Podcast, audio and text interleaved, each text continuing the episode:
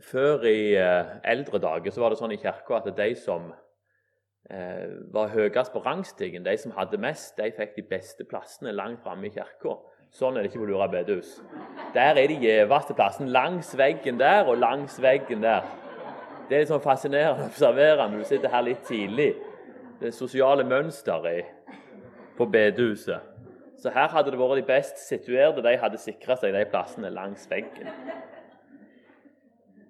Um, ja Det som er fint når jeg blir invitert her, det er Jeg pleier alltid å spørre sånn er dere, Har dere tenkt på et tema eller noe? Men det er det stort sett aldri. Så jeg får helt fritt, sier alltid Oddvar. Og det syns jeg er av og til utfordrende, av og til veldig greit. For da kan jeg i utgangspunkt, ta utgangspunkt i det som, ja, det som er på radaren min. Um, og det har jeg tatt utgangspunkt i i dag. Um, og Det som jeg eh, vil si noe om i dag, det er veldig alvorlig. Ehm, og Det handler om at eh, livet til slutt har to utganger. Og Jeg har ikke kalt talen i dag 'Veien til helvete er brolagt med gode hensikter'. Så det er utgangspunktet. Altså, det er jo et utrolig stort, Livets to utganger er et utrolig stort tema, så det er veldig mye som du ikke kan si noe om. Eh, så Derfor har jeg måttet avgrense ganske mye. Så jeg kommer ikke til å si noe om hvordan vi tror himmelen eller fortapelsen er for noe. Det er mange som har gjort det før oss. Dere er kanskje noen som har lest Dantes 'Inferno' eller Miltons 'Paradise Lost', eller vi har lest i Bibelen om den evige by, om himmelen. Jeg skal ikke si noe om eh, tusenårsriket eller om de siste tider. Eh, ikke om hvor fortapelse er, om det er død, eller om det er evig pine, eller om det er en tilværelse utenfor Guds kjærlighet. Alle disse tingene hadde vært interessante å sagt noe om. Men jeg må prøve å avgrense eh, til rett og slett Er det to utganger på livet? Og hvorfor skal vi Jeg har egentlig delt inn talen i noen deler her. Først så vil jeg si litt om den kritikken som har vært av den læren som vi tror på. Eh, både før og nå. Og så vil jeg eh, si noe om eh, hva Bibelen sier. Og så vil jeg bruke mest tid på å snakke om hvorfor i all verden skal vi forsvare en lære som ingen vil ha. Så Jeg skal ikke si noe, jeg, jeg, jeg, sa jeg skulle ikke si noe om hva fortapelse var for noe, men mens jeg jobbet litt med dette, så kom jeg over en, en litt sånn artig beskrivelse synes jeg uansett, med sånn, litt sånn glimt i øynene før vi skal inn på et alvorlig tema. Det er en som heter Robert Lemke. Han sier det. Helvete er et sted hvor engelskmenn lager mat, italienere dirigerer trafikken, og tyskere lager underholdningsprogrammene. Skal vi ikke si så mye mer. Men jeg syns den var ganske bra. Eh, der er, eh, Jeg har lest litt om en som heter Blaise Pascal. Han levde i Frankrike på 1600-tallet. Han er et av de største geniene som har levd. Eh, han var den største matematikeren på sin tid. Og han eh, begynte å pusle med å lage den første kalkulatoren, som igjen danna grunnlaget for den første datamaskinen. Så det, den, den Prosessen mot datamaskinen den starta altså på 1600-tallet. Eh, og Det ble starta av et geni som heter Blaise Pascal, en franskmann. Eh, og Han holdt på med masse forskjellige ting, men så møtte han Jesus. Eh, ganske plutselig. Og han skrev om den opplevelsen når han møtte Jesus. Eh, og den, eh, den opplevelsen skrev han ned på et ark, og han sydde han inn i den dressjakken sin. Så de fant han, han var død, så fant de hans beskrivelse han han møtte Jesus, innsydd i, på innerlommen. Og Det som Pascal etter hvert etter han hadde møtt Jesus, så ble han helt forferda over at så mange mennesker kunne være så likegyldige overfor sin evige skjebne. Og Det er det det skal handle om i dag. Eh, kritikken av læren om at livet har to utganger, en fortapelse og en himmel, den begynte tidlig. Eh, så alt ifra så tidlig som i tredje århundre, og kanskje enda før, men det kjenner vi iallfall til, en, en, seriøs kritikk, og en som heter Origenes, en kirkefader, og helt fram til Karl Barth i det 20. århundre, så det har vært jevnlig kritikk av læren om at livet har to utganger. Eh, I Norge så starta eh, en sånn eh, seriøs kritikk og ble et forferdelig rabalder. Det ble egentlig utløst av Ole Hallesby i 1953. Eh, I en tale på radio som heter 'Omvend deg nå', så, så sier Hallesby Hvordan kan du, som er uomvendt, hvordan kan du legge deg rolig til å sove om kvelden, du som ikke vet, enten du våkner i din seng eller i helvete? Du vet at om du stupte død ned på gulvet nå, så stupte du rett i helvete. Det utløste en eh, stor, stor diskusjon eh, som egentlig har rast helt fram til vår tid. Og, og, grunnen til at jeg på en måte å, ja, ble opptatt og begynte å tenke meg om dette i det siste, det var en bok som ble utgitt nå for ikke så lenge siden av biskop NZT Nordhaug, Halvor Nordhaug, som heter 'Hva med de andre'? Eh,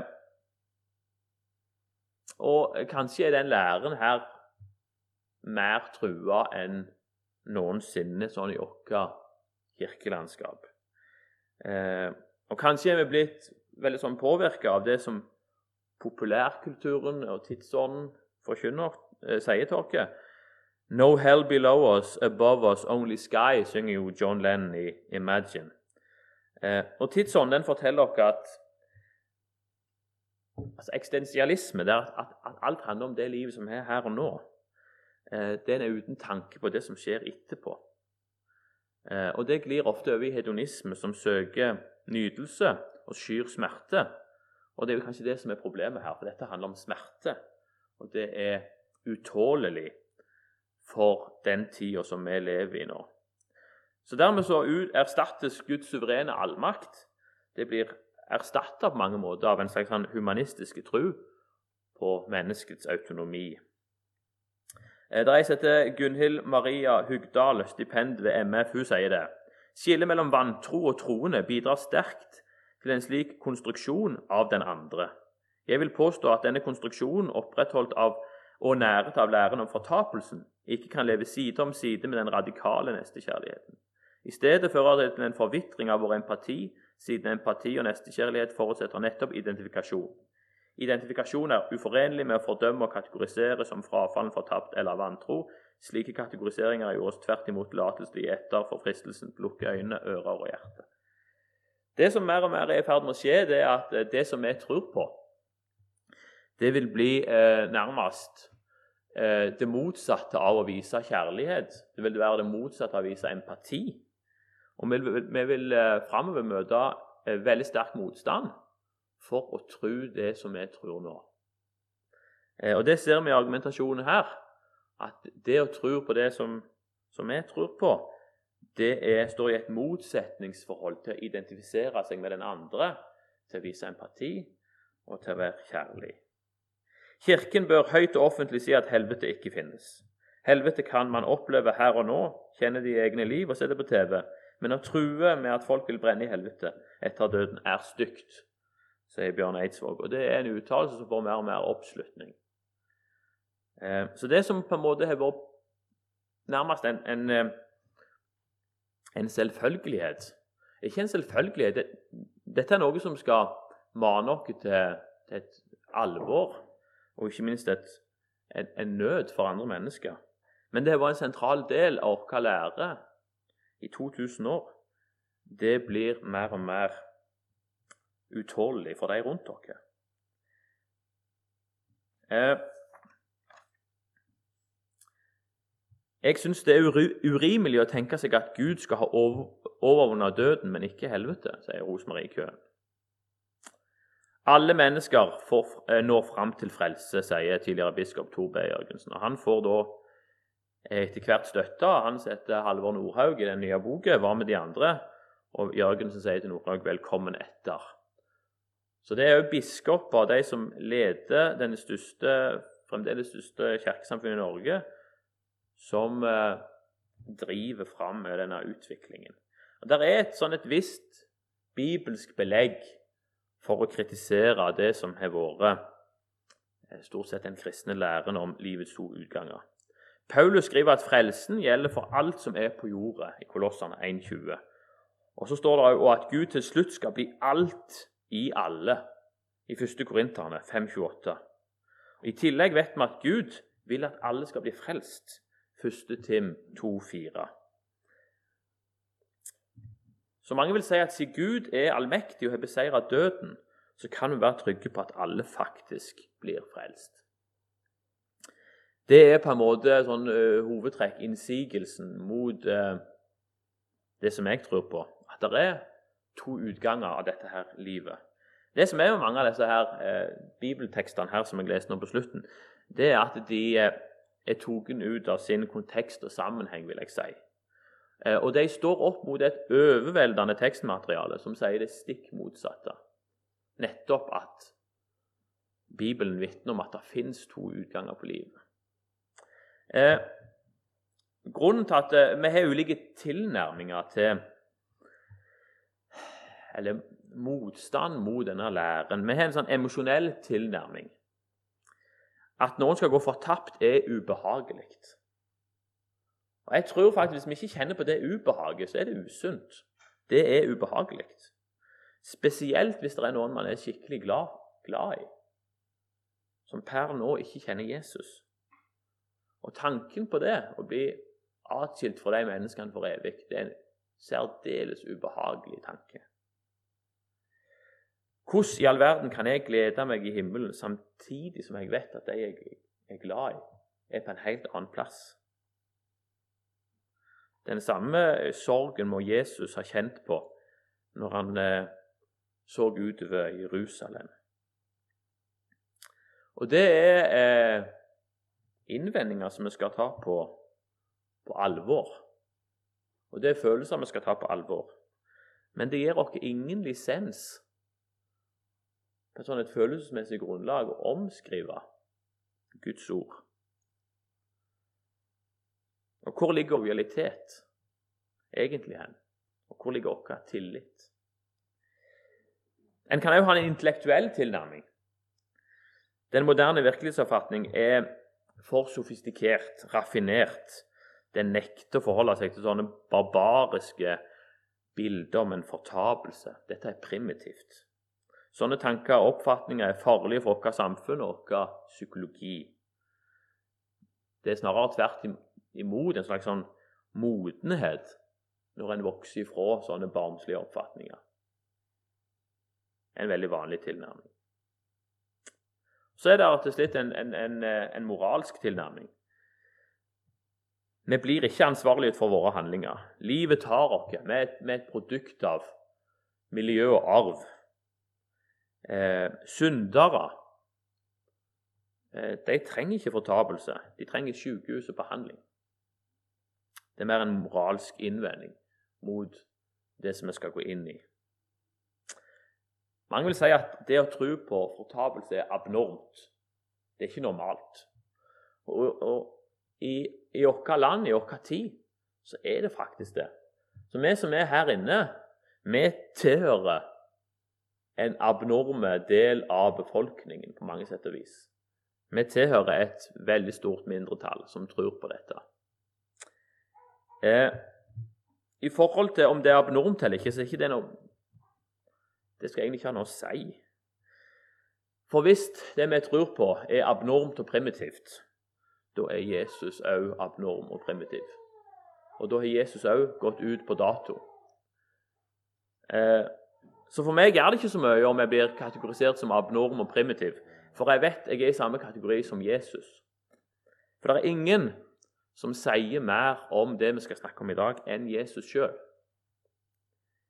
Det er noen advarsler mot denne læren om at alle altså universalismen, om at alle blir frelst til slutt, som blir kalt for apokatarastasis, som betyr alle tings gjenopprettelse.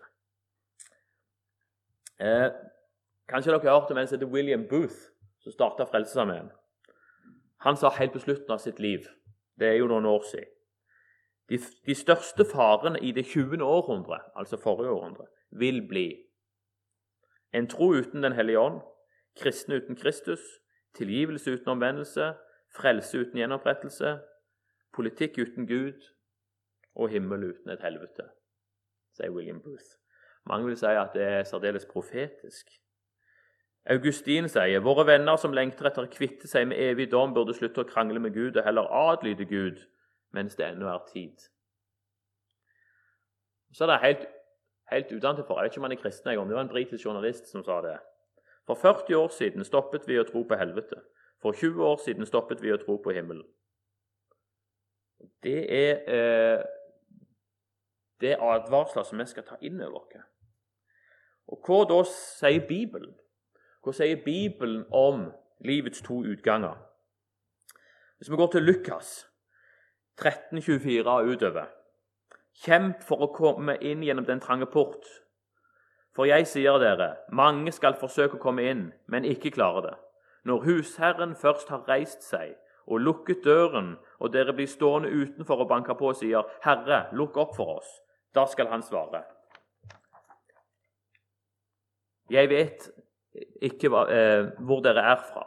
Da vil dere si, 'Vi har jo spist og drukket sammen med deg, og du har undervist på gatene våre.' Men han skal svare, 'Jeg vet ikke hvor dere er fra. Bort fra meg, alle dere som gjør urett.' Der skal dere gråte og skjære tenner når dere ser Abraham og Isak og Jakob og alle profetene i Guds rike, mens dere selv blir kastet utenfor. Fra øst og vest og fra nord og sør skal mennesker komme og sitte til bords i Guds rike. Da skal noen som er de siste, bli de første, og noen som er de første, bli de siste. I Markus 9,47b så sier de der sagt Det er bedre for deg å gå enøyd inn i Guds rike enn å ha begge øyne og bli kastet i helvete, der marken som eter dem, ikke dør, og ilden ikke slukner. I Mattes 25, 40 utover, og kongen skal svare dem, sannelig, jeg sier dere, det dere gjorde mot en av disse mine minste søsken, har dere gjort mot meg. Så skal han si til dem på venstre side, gå bort fra meg, dere som er forbannet, til den evige ild, som er gjort i stand for djevelen og englene hans. Matteus 10,28.: Vær ikke redde for dem som dreper kroppen, men ikke kan drepe sjelen. Frykt heller ham som kan ødelegge både sjel og kropp i helvete. Matteus 7,13.: Gå inn gjennom den trange porten. For vi er porten, og bred er veien som fører til fortapelsen. Og mange er de som går inn gjennom den. Gjennom den. Så den lille Bibelen som vi alle kan. For så har Gud elsket verden, at han ga sin sønn, den enbårne, for at hver den som tror på ham, ikke skal fortapes, men ha evig liv. Paulus er helt på linje med Jesus. For dette er rettferdig i Guds øyne. Når noen volder dere andre tess 1 og 5 og utover Når noen volder dere trengsler, skal han gjengjelde med trengsler. Og dere som møter trengsler, skal han gi lindring sammen med oss. Slik blir det når Herren Jesus åpenbarer seg fra himmelen sammen med sine mektige engler.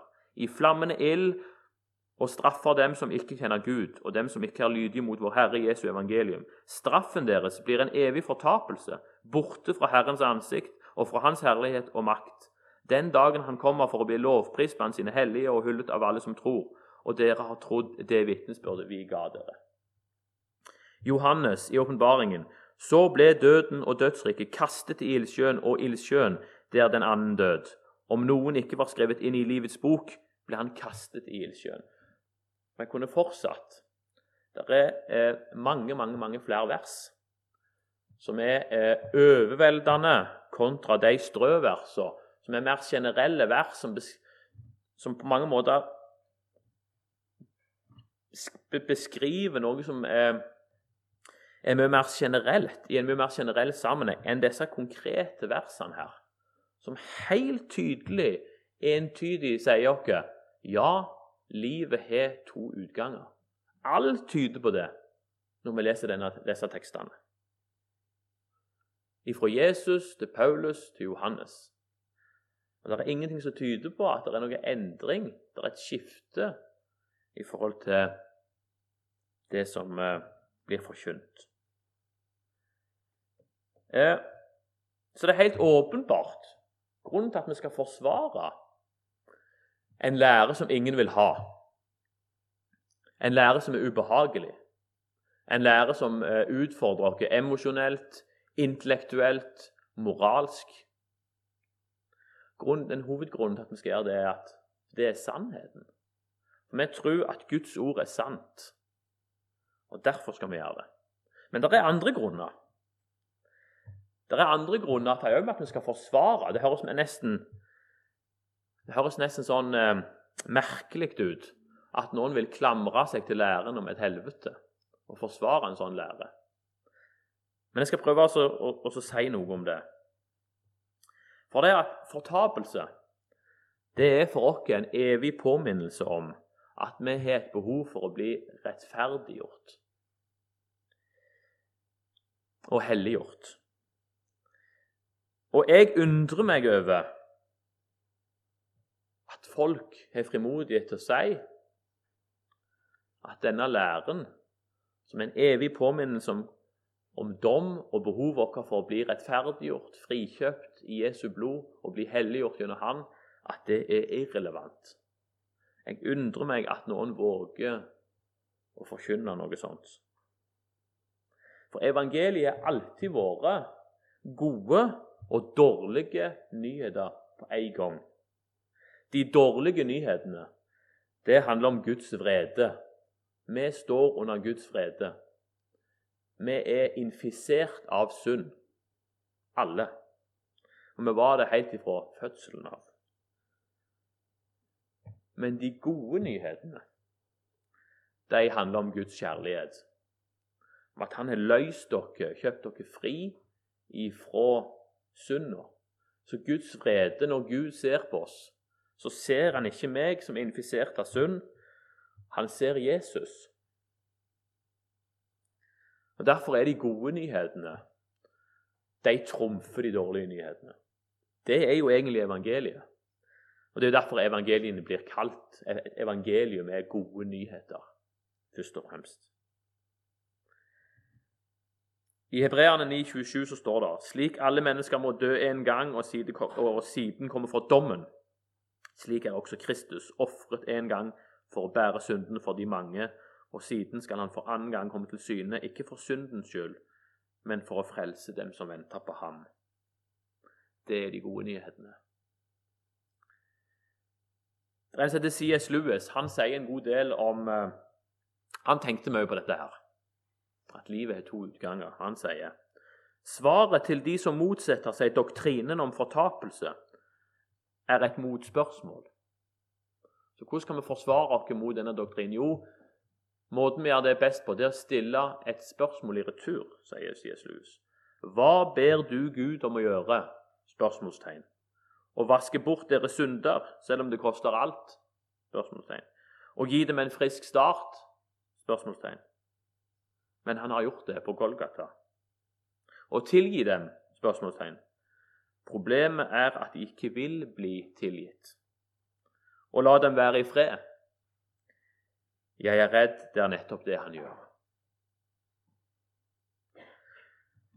Gud sjøl har gjort alt, ofra alt.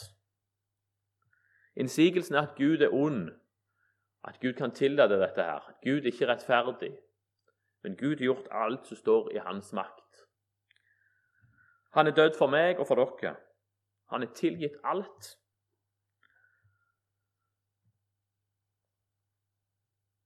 Og la dem være i fred. La oss være i fred ifra denne guden. Og C.S. Lewis, det er hans beskrivelse av ja, hva er fortapelse. Ja, kanskje er det nettopp det. At Gud lar deg være i fred med ditt.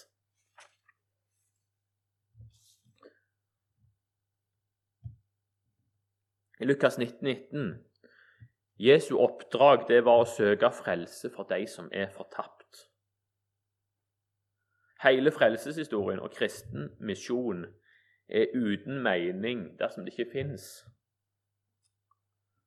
fortapelse. Jeg vokste opp i Egersund, og der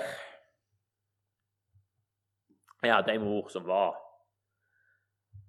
Hun plagte livet av meg. Men jeg syns det, her, her barnelaget Vi hadde noe som het Unge røster, og det, det var så kjedelig. Jeg kunne ikke fordra det. Men jeg måtte, jeg måtte av gårde på dette her. Og Lenge så trodde jeg at det å være kristen det handler om å møte opp. Jeg fikk sånn belønning. Jeg fikk stjerner i boka, jeg fikk masse ting. Og så prøvde de å fornye seg med noe sånn Noas ark. Så fikk vi sånn dyr vi skulle lime inn. De, de, de, gjorde mye for at vi skulle fortsette å møte opp. Og mor mi var en av de, hun var en av de ivrigste. Eh, og jeg var på en plass Jeg syntes det ble litt mye. Jeg syntes alltid det var flaut når jeg hadde, skulle feire bursdag. for da Mor mi kunne nesten finne på å ha et vitnesbyrd før vi skulle gå i gang. Det var grusomt. Men jeg, jeg, jeg, jeg har kommet meg over de traumene. Og jeg har faktisk begynt å verdsette de traumene. Eh, vi kjørte, Mor mi kjørte, vi hadde en sånn eh, Ford Transit. Så egentlig var en varebil som far min hadde bygd om til en sånn eh, Egersund er det jo sånn pæresekte. Så jeg var jo livredd at folk skulle forveksle oss med at vi var pærer. Så Det hendte ofte at jeg dukte når jeg satt i den Ford Transiten. Men mor mi hun fulgte opp denne her Ford Transiten med alle slags folk i nabolaget. Og kjørte de til OK. Eh, jeg hadde ikke trodd det skulle være sånn. OK. Eh, hun kjørte de til Steinholt barnehage. Der var det barnelag. OK. Og det gjorde hun. Eh, det gjorde hun fordi at eh, hun hadde en nød for eh, ungene i nabolaget. Og jeg hadde ikke Jeg irriterte meg jo over den her da over den her iherdigheten og hvorfor vi skulle på en måte være så ivrige på alt. Men der lå en nød eh, hos mor mi. For hun ville ha dem med til himmelen. Og hun var livredd for at de skulle gå fortapt, disse ungene. Eh, og på barnelaget der sang vi alle, alle vil vi ha med til det kjedsommelige. Um, dette blir jo meningsløst hvis det ikke fins fortapelse. Det er jo ikke vits i å stresse. Det er ikke vits i å fylle opp bilen med nabounger hvis Gud bare skal sette en strek over alt til slutt uansett kan bare roe helt ned. Du trenger ikke ha nød for noen andre. Alt vil gå bra. Det er noen som sier det at fortapelsen, altså læren om fortapelsen, den bryter med tanken på at Gud er god. Vi vil jo aldri tenke på å sende folk i fortapelsen. Og vi tror på en Gud som er mye bedre enn oss. Men jeg tror det er en, en helt feil tanke. For det er utrolig hvor mye jeg kan finne meg i av ting som ikke er godt. Du tåler så inderlig vel den urett som ikke rammer deg selv, sier Øverland. Og jeg kan opp gjennom mitt liv så har jeg stått og sett på så mye urett uten å ha gjort noe. Det er ikke fordi jeg er god. Det er fordi jeg mangler godhet. Så når Gud må ta et oppgjør med uretten, så er det ikke fordi han er ikke er god. Det er fordi han er så god. Det er helt motsatt. For han er ikke et infisert Han er ikke ødelagt sånn som vi er, som kan finne oss i all slags urett. Han er opphavet til kjærligheten. Så i stedet, sende, i stedet for å, stille Gud på tiltalebenken og definere Gud fra vårt syn på, til, på kjærlighet, det er et ufattelig hovmod som ligger i det. Det er et utrolig hovmod. For vi har ingen erkjennelse av hvor ren kjærlighet er. Det er det Gud som har. Og Gud, han er så god at han ikke kan la være å ta et oppgjør med ondskap. Så kanskje bør vi heller være ydmyke over vår forståelse av hva kjærlighet er for noe, før vi setter Gud på tiltalebenken. Det står at noen når vi mener det at fortapelse står i motsetning til Guds rettferdighet. Men hva er da vår forståelse av rettferdighet? Av og til så lurer jeg på om vår forståelse av rettferdighet er redusert til ungene mine sin forståelse av hvor rettferdighet er. Ungene er ikke fire unger. Per nå er deres forståelse av rettferdighet at alle får like mye. Så Hvis, jeg, hvis de skal få brus, så er det en sånn helt sånn rituell seanse der vi må holde på nesten med sånn eh, linjal. For det er deres per nå umodne forståelse av hvor rettferdighet er for noe. Men rettferdighet er mye mer enn det. Jeg er eh, eh, kanskje litt for Jeg har sagt det tidligere, men jeg har en last i livet. det Jeg er forferdelig glad i fotball. Og Der er det noe som heter fair play. Og Det kan utvide vår forståelse av hva rettferdighet er. Så Fotball det er jo òg eh, Det er ikke bare eh, noe som kan lede dere inn i fristelse og all, all slags galskap. Det kan faktisk òg være en veiviser inn til de djupeste sannheter. Men det er sånn i fotball Det er sånn i fotball at hvis, kommer, eh, hvis, hvis jeg f.eks. er på banen, og så er det en som har en stor målsjanse, og så eh, spenner jeg han ned, tar krokfot på han før han får skudd, så det skjedd en urettferdighet. Dette er ikke rettferdig. Så en geniale ting i fotball det er at en må gjenopprette rettferdighet. Det har skjedd en ugjerning, og laget, det, det, som jeg representerer, vi må bli rettferdiggjort. Måten, det, måten med at rettferdighet blir gjenoppretta på, det er at det motstanderlaget, som ble, han som ble felt, han får en sjanse uten at noen presser han ifra straffemerket til å skyte mål. En kjempestor målsjanse. Da sier, vi, at nå er det fair igjen. Nå er det rettferdig. Og den, den, eh, den der eh, fornemmelsen av hvor rettferdighet er, den ligger dypt, dypt planta inn i alle oss. Selv om vi er ødelagte og forstørrede, så er det en, det er en, en fornemmelse, en slags, en slags, skygge av hva som er rettferdig. Ikke sant? Og sist, eh, sist helg, da det laget som jeg heier på, de, de syns jeg ble behandla helt fryktelig urettferdig. Jeg ble rasende. For det at eh, den beste spilleren av dere han ble bare klipte rett ned, skada for resten av sesongen. Og han som gjorde det, slapp unna. Det ble ingen straff. Og det, altså det plagte meg eh, resten av dagen, den der hendelsen. Ikke bare det at det gikk utover poeng og tabell, det var én ting, men det var den der, den der forferdelige urettferdigheten. At noen, noen bare kunne gjøre noe så grusomt uten at det fikk konsekvenser. Og For meg ble det på en måte en slags portal inn i hvem Gud er. For Gud han kan ikke tillate at urettferdighet og ugjerninger blir begått uten et oppgjør.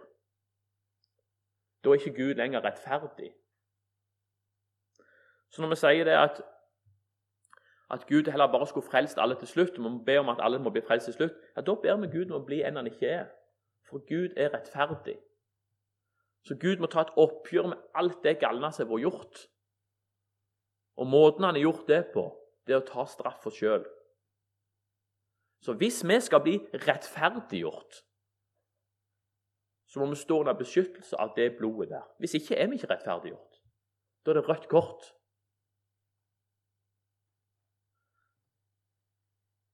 Så når vi sier at Gud ikke er rettferdig, så mangler vi en grunnleggende forståelse tror jeg, av hva faktisk rettferdighet er for noe. Vi har gått glipp av det på veien.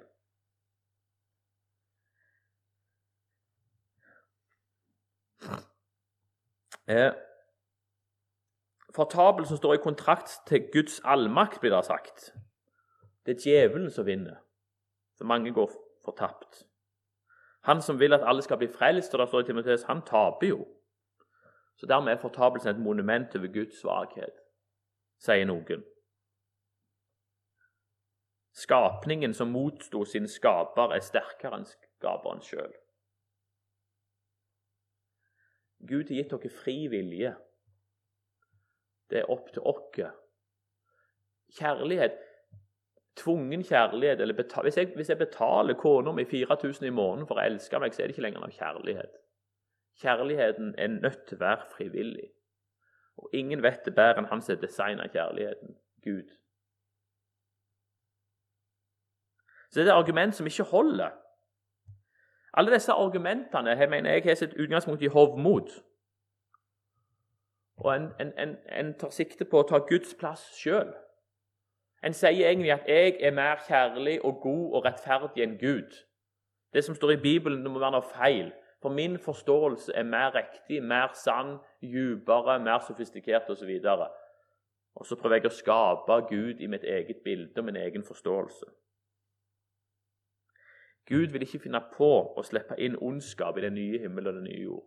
Det skal være perfekt. Så alt det som ikke er rettferdiggjort, det vil ikke slippe inn. Da vil vi bare få, en, vi bare få et nytt level 2 av det vi er i nå. Det er ikke Guds plan. Så, så hvorfor trenger vi denne her læren om fortapelse? Jo, som jeg sa innledningsvis, evangelisering. Nød for andre. Det som mor mi demonstrerte. Gudsfrykt.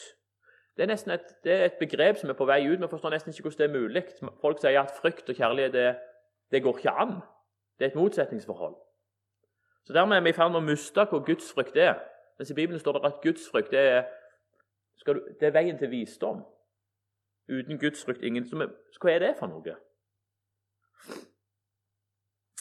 Eh, Hjemme hos oss var det sånn at vi kunne herje på Far min var på jobb. Det var i den gode gamle tida når konene var hjemme og mennene var på arbeid. Det var en fantastisk tid.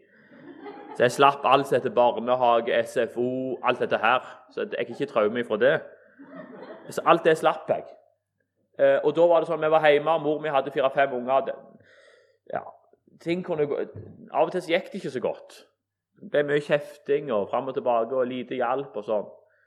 Mens det, eh, mor mi hadde et trumfkort som hun kunne ta fram helt på slutten hvis vi ikke lyver.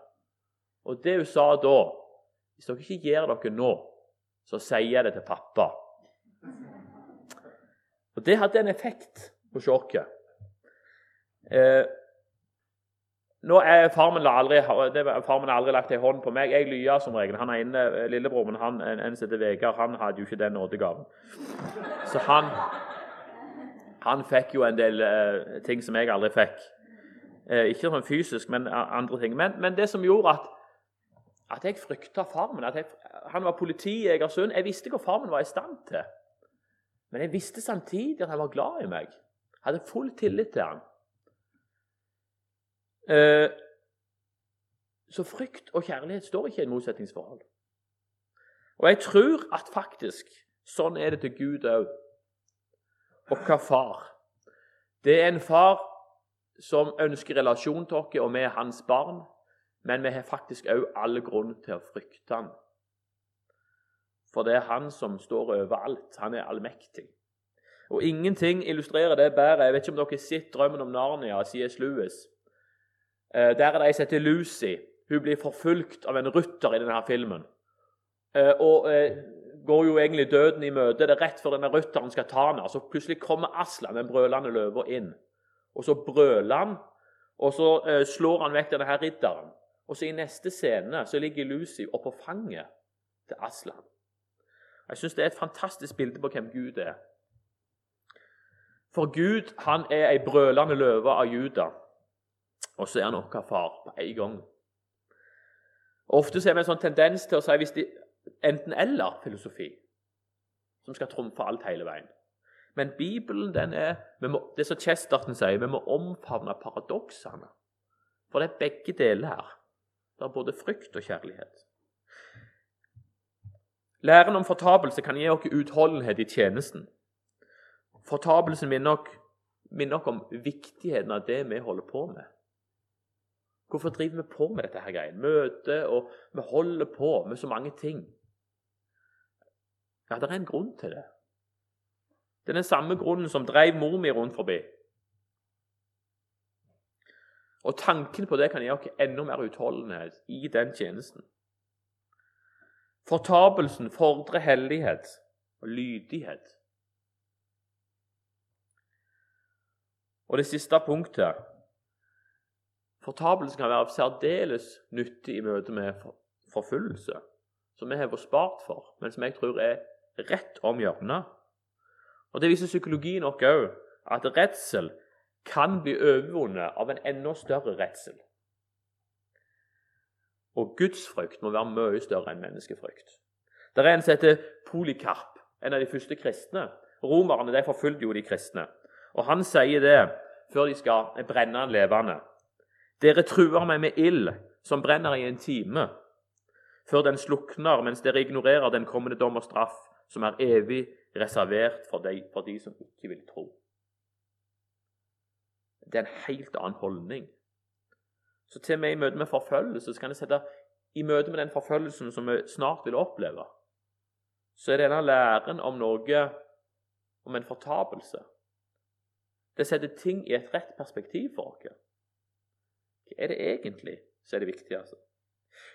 Og Så en siste, eh, siste ting i forhold til hva så med de andre? Eh,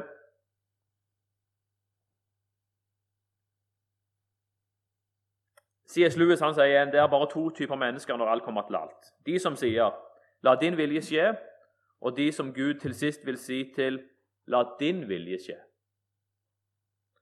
Fortapelsen er valgt. Uten et valg er fortapelsen umulig. De som søker, vil finne, de som banker på, vil det bli lukket opp for. Det sier C.S. Lewis. Og I Tim 2,4 så er det dette er godt og noe Gud, vår frelser, gleder seg over. Han som vil at alle mennesker skal bli frelst og lære sannheten å kjenne. Og Så kan vi jo spørre om de som ikke har hørt. Han lille gutten i Pakistan som dør av leukemien, han er to år. Men det er ikke mitt bord. Jeg trenger ikke gruble så mye om det. Heldigvis så er ikke det mitt ansvar. Jeg er ikke dommer. Og jeg må iallfall ikke sette meg inn i Guds sted og prøve å bli dommer.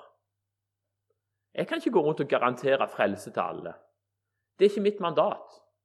Men det jeg kan gjøre når jeg tenker, For det er, synes jeg, det er en forstyrrende tanke. Hva i all verden skjer med den gutten? Så tror jeg at Gud er en rettferdig Gud.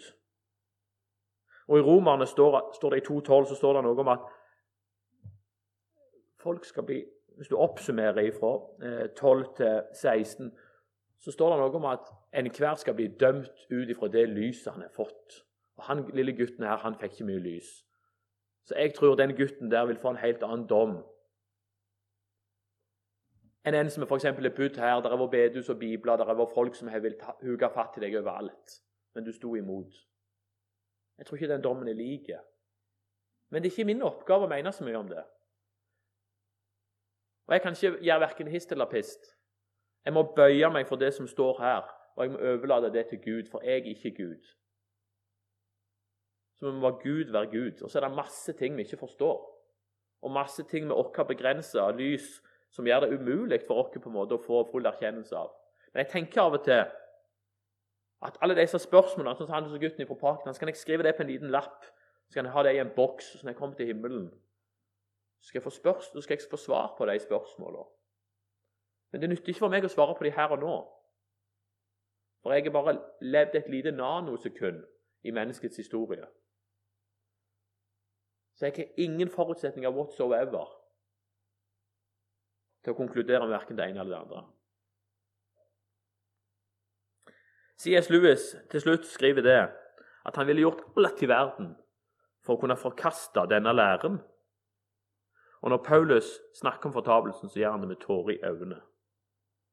Dette er et tema vi ikke skal ta lett på. Samtidig skal vi vite det. Vi, vi skal ikke ta lett på det. Men Gud har gjort mye mer enn det, enn det vi gjør. For han sendte Jesus for at vi skulle unngå fortapelsen og heller være sammen med ham.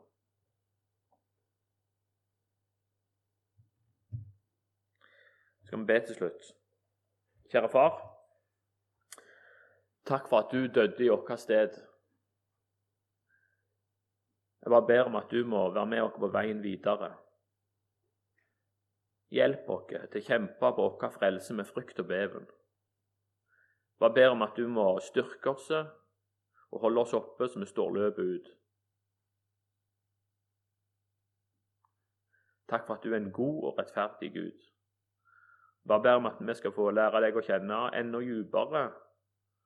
At vi skal få se enda mer av din dybde og fylde. Få se mer av din rettferdighet, din sannhet og din godhet. Amen.